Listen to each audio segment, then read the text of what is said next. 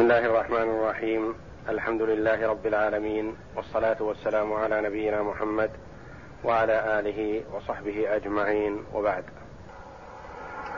اعوذ بالله من الشيطان الرجيم يا بني يذهبوا فتحسسوا من يوسف واخيه ولا تياسوا من روح الله انه لا يياس من روح الله الا القوم الكافرون فلما دخلوا عليه قالوا يا أيها العزيز مسنا وأهلنا الضر وجئنا ببضاعة مزجاة فاوف لنا الكيل وتصدق علينا إن الله يجزي المتصدقين. هذه الآيات الكريمة في سياق قصة يوسف على نبينا وعليه أفضل الصلاة والسلام. لما بلغ بنو يعقوب يعقوب عليه السلام بأن أخاهم أخذ عند ملك مصر من أجل الصواع الذي ظن أنه أخذه وقد جعل في رحله. تأثر لذلك عليه الصلاة والسلام تأثرا شديدا وتذكر حزنه بل تجدد حزنه على يوسف عليه السلام. وقال كما أخبر الله جل وعلا عنه إنما أشكو بثي وحزني إلى الله وأعلم من الله ما لا تعلمون. وهكذا المؤمن كلما حزبه أمر يتضرع إلى الله جل وعلا ويلتجئ إليه. سبحانه وتعالى نعم المسؤول فهو لا يخيب من سأله ومن دعاه ما لم يدع باثم أو قطيعة رحم أو يعجل. يقول دعوت ودعوت فلم أر يستجب لي لأنه إذا قال هكذا أصابه اليأس. والقنوط من رحمة الله واليأس والقنوط من رحمة الله كبيرة من كبائر الذنوب لأنه اتهام لله جل وعلا بما هو بريء منه فهو جل وعلا جواد كريم. واذا أيس المرء من رحمة الله إذا أيس من رحمة الله ساء ظنه بالله جل وعلا. والله جل وعلا يقول كما في الحديث القدسي أنا عند ظن عبدي بي فإن ظن بي خيرا فله وإن ظن بي غير ذلك فله.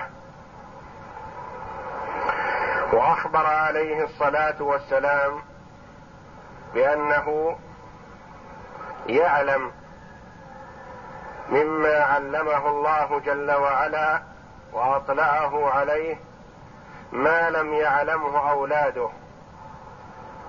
وأعلم من الله ما لا تعلمون. عند ذلك قال الله جل وعلا عنه بأنه قال يا بني اذهبوا فتحسسوا من يوسف وأخيه. فتحسسوا. استعملوا حواسكم. السمع والبصر والحركة والعمل لعلكم تجدوا عن يوسف وأخيه خبر. يوسف ذهب منذ سنوات طويلة. يقال بين ذهابه ولقياه بأبيه أربعين سنة أو ثمانين سنة. ومع ذلك يقول عليه الصلاة والسلام اذهبوا فتحي فتحسسوا من يوسف وأخيه. والتحسس في الخير والتجسس في الشر. ولهذا نهى النبي صلى الله عليه وسلم عن التجسس. كما ثبت في الحديث الصحيح ولا تجسسوا. وإنما التحسس في الأمور المطلوبة. اذهبوا فتحسسوا من يوسف وأخيه. لعلكم تجدونهما أو تجدون عنهما خبر. فهو عليه الصلاة والسلام واثق بأن رؤيا يوسف حق وسيقع تأويلها.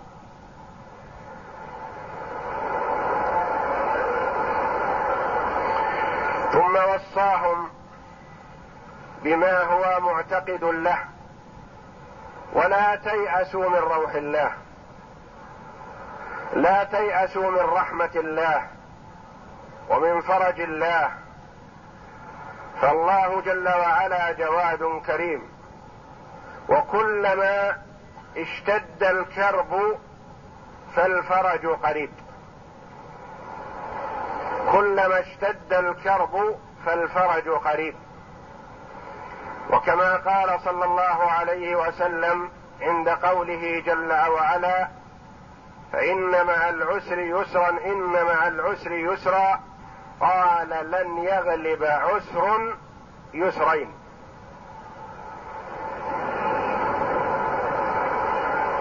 فالعسر في الآية مكرر بالألف واللام. واليسر منكر. مكرر منكرا. وما كرر بالتعريف فهو شيء واحد. وما كرر بالتنكير المنكر فهو شيء شيئان أو أشياء على حسب التكرير. ولذا قال عليه الصلاة والسلام لن يغلب عسر يسرين.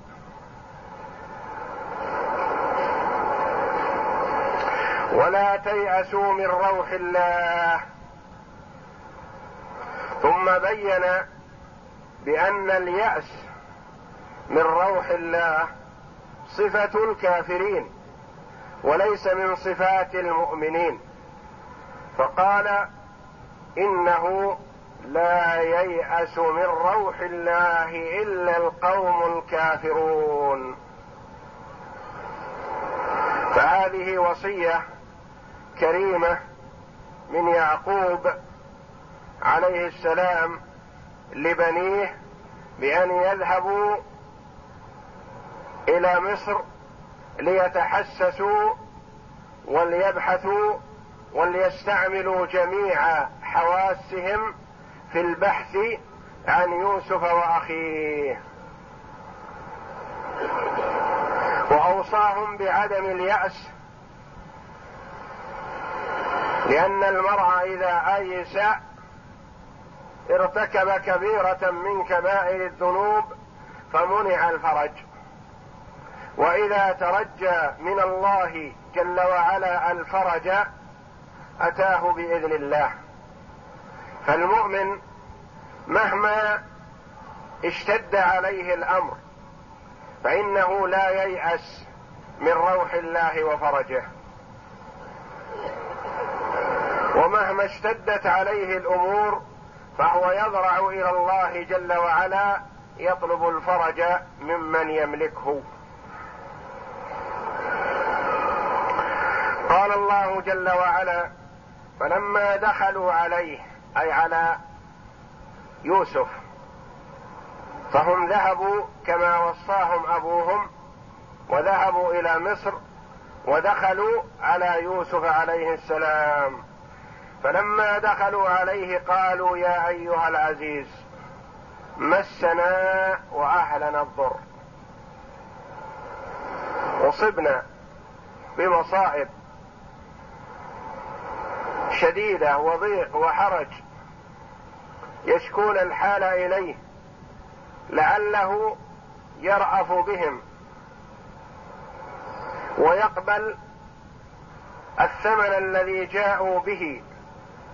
بينما هو لا يقبله الكثير من الناس. مسنا وأهلنا الضر الجوع والشدة والمصائب وجئنا ببضاعة مزجات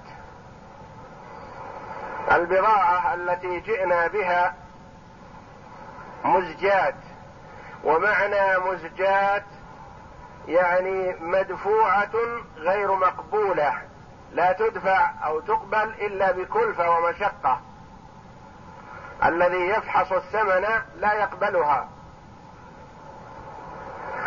والإزجاء الدفع بشدة بقوة. وجئنا ببضاعة مزجات يعني تدفع ولا تقبل.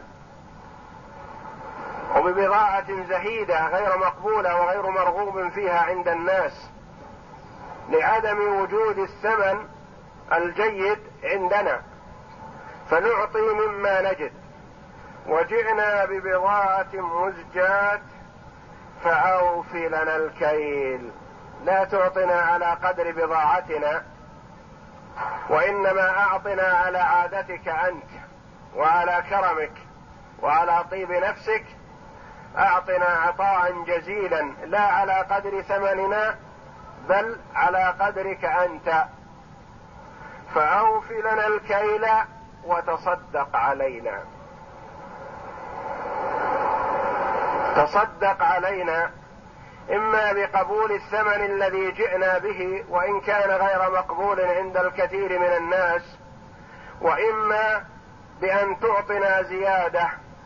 على ما نستحقه صدقة منك لأنك كريم وعزيز وتعطي وتتكرم ونحن في حاجة إلى صدقتك. وتصدق علينا. الصدقة عليهم وهم أولاد يعقوب عليه السلام وهو نبي. وهل تصح الصدقة للأنبياء؟ اختلف العلماء رحمهم الله في ذلك. منهم من قال تصدق علينا يعني بقبول الثمن الذي جئنا به ولا نطلب زيادة. والصدقة لا تجوز على الأنبياء. والقول المشهور بأن الصدقة لم تحرم إلا على نبينا محمد صلى الله عليه وسلم. فهو عليه الصلاة والسلام الوحيد من الأنبياء الذي لا تحل له الصدقة. تكريما له وتشريفا عليه الصلاة والسلام. لا تحل له ولا لآل بيته. وأما الأنبياء السابقون فتحل لهم وكانوا يأخذونها. ولذا طلب أولاد يعقوب من يوسف الصدقة عليهم وعلى أبيهم.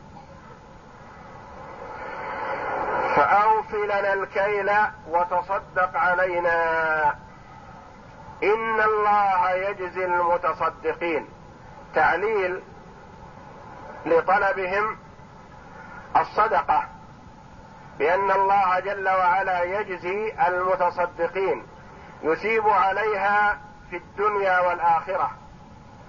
فالصدقة يثيب الله جل وعلا عليها في الدنيا بأن يبارك في المال ويزكو المال الذي تخرج منه الصدقة وينمو ويطيب. كما قال عليه الصلاة والسلام ما نقص مال من صدقة. ما نقص مال من صدقة. وهي تزكي النفس وتزكي المال. ويثيب عليها جل وعلا في الدار الآخرة. إذا تصدق المرء بعدل تمرة. من كسب طيب ولا يقبل الله جل وعلا إلا الطيب. تقبلها ربي جل وعلا بيمينه وكلتا يدي ربي يمين مباركة. فينميها لصاحبها كما ينبي ينمي الرجل فلوة. يعني حلاله ومهره الذي هو غال عليه. لم يقل كما بعيره أو كما يربي غير ذلك من الحيوانات وإنما اختار النوع الجيد من الحيوانات الذي يحرص عليه المرء. ولد الفرس الذي يحرص عليه فالله جل وعلا ينمي الصدقة لصاحبها فيقدم يوم القيامة ويجدها كالجبل العظيم وهي شيء يسير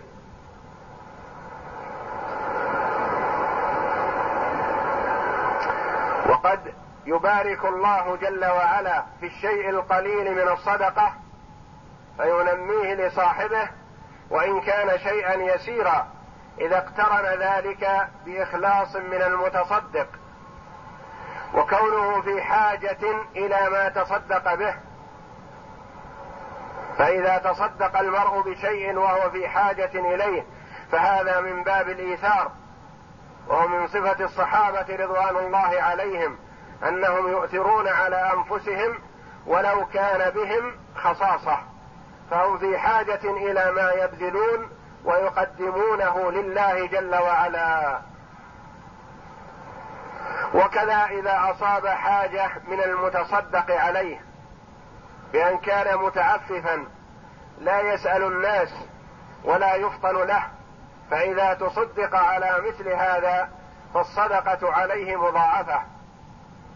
كما قال عليه الصلاة والسلام ليس المسكين الذي ترده اللقمة واللقمتان والتمرة والتمرتان ولكن المسكين الذي لا يجد غنى يغنيه ولا يفطن له فيتصدق عليه.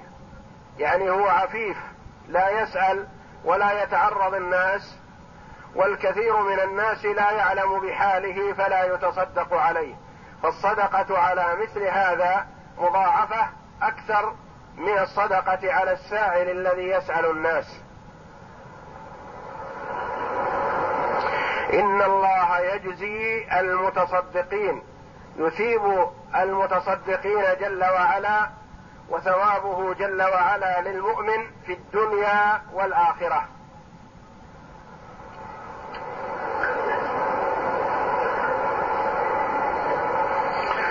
قال الله جل وعلا قال هل علمتم ما فعلتم بيوسف وأخيه إذ أنتم جاهلون؟ قالوا أئنك لأنت يوسف؟ قال أنا يوسف وهذا أخي. قد من الله علينا إنه من يتق ويصبر فإن الله لا يضيع أجر المحسنين. قالوا تالله لقد آثرك الله علينا وإن كنا لخاطئين. قال لا تثريب عليكم اليوم يغفر الله لكم وهو أرحم الراحمين. لما أظهر إخوة يوسف ليوسف ما أظهروه من الضيق والشدة في قولهم أيها العزيز مسنا وأهلنا الضر وجئنا ببضاعة مزجاة فأوف لنا الكيل وتصدق علينا إن الله يجزي المتصدقين. عند ذلك رق قلب يوسف عليه الصلاة والسلام على إخوانه وأبيه. وذرفت عيناه كما ورد في بعض الآثار. عند ذلك أظهر نفسه وبين لهم أنه هو يوسف الذي كانوا يترددون عليه. هذه الرحلة الثالثة في ثلاثة أعوام يأتون إليه ولم يعرفوه. ورفع التاج عن رأسه فظهر وجهه لهم كما يعرفون فتبين لهم أنه يوسف. لما قال لهم هل علمتم ما فعلتم بيوسف وأخيه؟ إذ أنتم جاهلون. أراد أن يبين لهم مع التلطف عليه الصلاة والسلام. اولا جاء بالعبارة على سبيل الاستفهام استفهام تقرير. هل علمتم ما فعلتم بيوسف؟ ثم لقنهم العذر. قال إذ أنتم جاهلون. يعني فعلكم ذلك حالة جهل منكم. هل علمتم ما فعلتم بيوسف وأخيه؟ فعلهم بيوسف عليه الصلاة والسلام ظاهر بين واضح. جنوا عليه جناية عظمى. قال بيوسف وأخيه ماذا فعلوا نحو أخي يوسف؟ ما فعلوا شيئا عظيما. سوى ما ظهر لنا من قولهم إن يسرق فقد سرق أخ له من قبل. يعني ما يستغرب منه السرقة وإن كان أخونا لكن له أخ شقيق سرق من قبل فهم أخذوا هذه الخصلة من جهة أمهم. إن يسرق فقد سرق أخ له من قبل.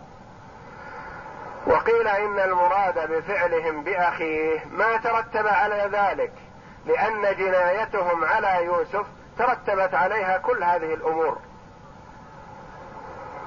واحتجاز يعقوب واحتجاز بنيامين في مصر بعد ذلك كان نتيجة لما فعلوا بيوسف عليه السلام.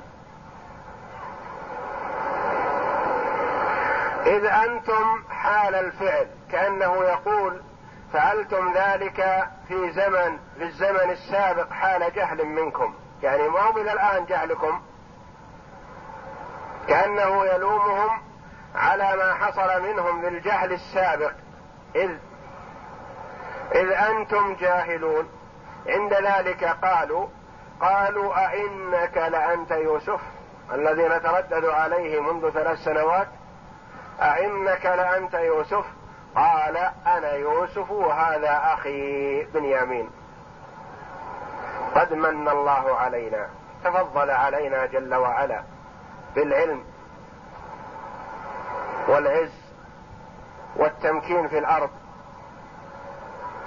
والنجاة من المهالك الذي وقعنا فيها. مهالك مهالك حسية ومهالك معنوية مهالك حسية رميه في قعر البئر. ليموت ليهلك. فانجاه الله جل وعلا. ومهالك معنوية تسلط امرأة العزيز عليه ومراودتها إياه والمحاولة منها بأن يعمل بها الفاحشة.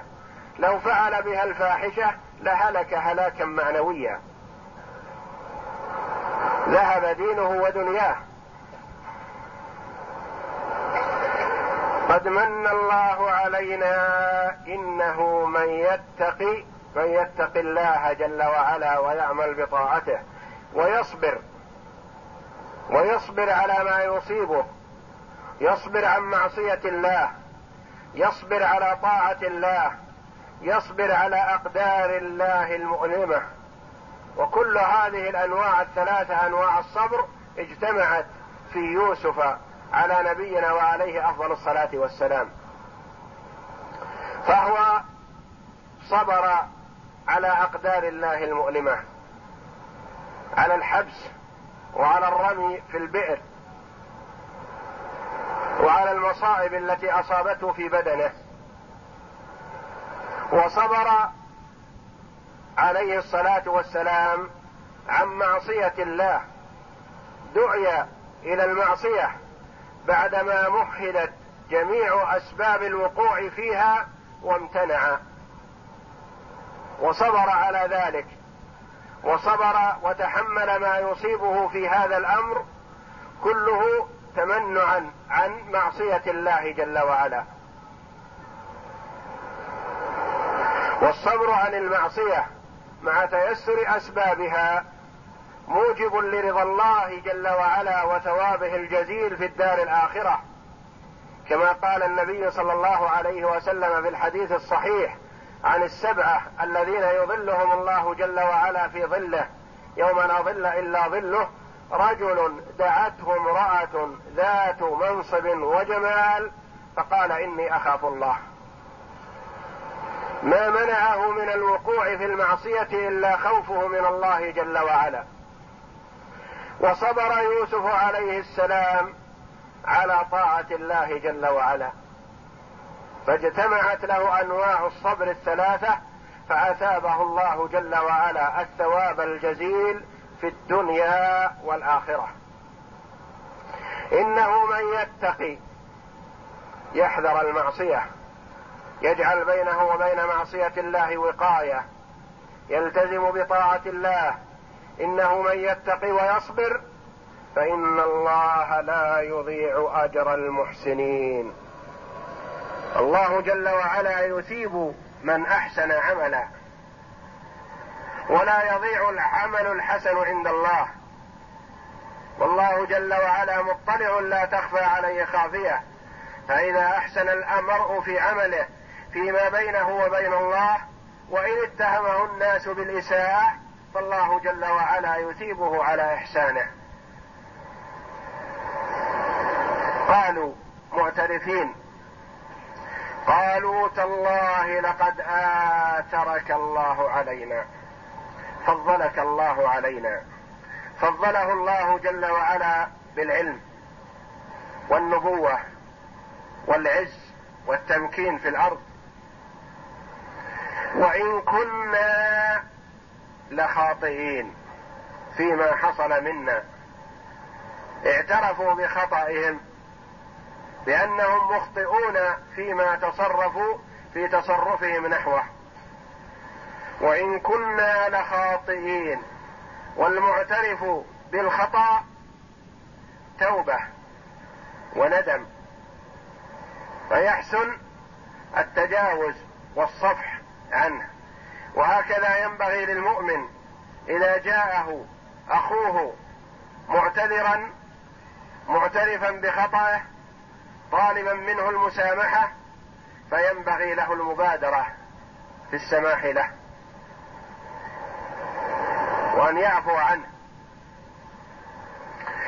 قال لا تثريب عليكم اليوم. لا تعنيف. ولا توبيخ. ولن أكرر ذكر هذا الموضوع لأن تذكيره تكريره يؤثر عليكم. لا تثريب عليكم اليوم. وطلب من الله جل وعلا أن يغفر لهم. يعني ما اكتفى عليه الصلاة والسلام بمسامحتهم وقال سامحتكم؟ قال يغفر الله لكم. طلب من الله جل وعلا المغفرة لهم دعا لهم. سامحهم عما مضى ودعا لهم بالمغفرة والرحمة. وهكذا الكريم. يغفر الله لكم وتوسل إلى الله جل وعلا باسمه المناسب لهذا الطلب.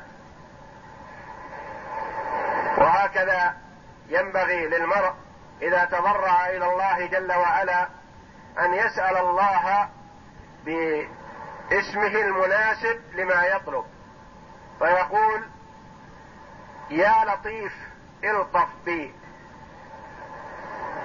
يا رحيم ارحمني. وغير من المناسب أن يقول يا جبار. يا منتقم ارحمني. وإنما المناسب أن يتوسل إلى الله جل وعلا بأسمائه الحسنى المناسبة لطلبه. وتقول مثلا يا منتقم انتقم من الظالمين. يا جبار اجبر كسرنا. واقض على عدونا. لا تثريب عليكم اليوم يغفر الله لكم وهو جل وعلا أرحم الراحمين. فهو جل وعلا أرحم من الوالدة بولدها وأرحم من الوالدين بأولادهم. وإنما يحب من عباده أن يسألوه يحب من عباده أن يتضرعوا إليه ليستجيب لهم كما قال جل وعلا وإذا سألك عبادي عني فإني قريب أجيب دعوة الداع إذا دعان فليستجيبوا لي وليؤمنوا بي لعلهم يرشدون. والله أعلم وصلى الله وسلم وبارك على عبده ورسول نبينا محمد وعلى آله وصحبه أجمعين.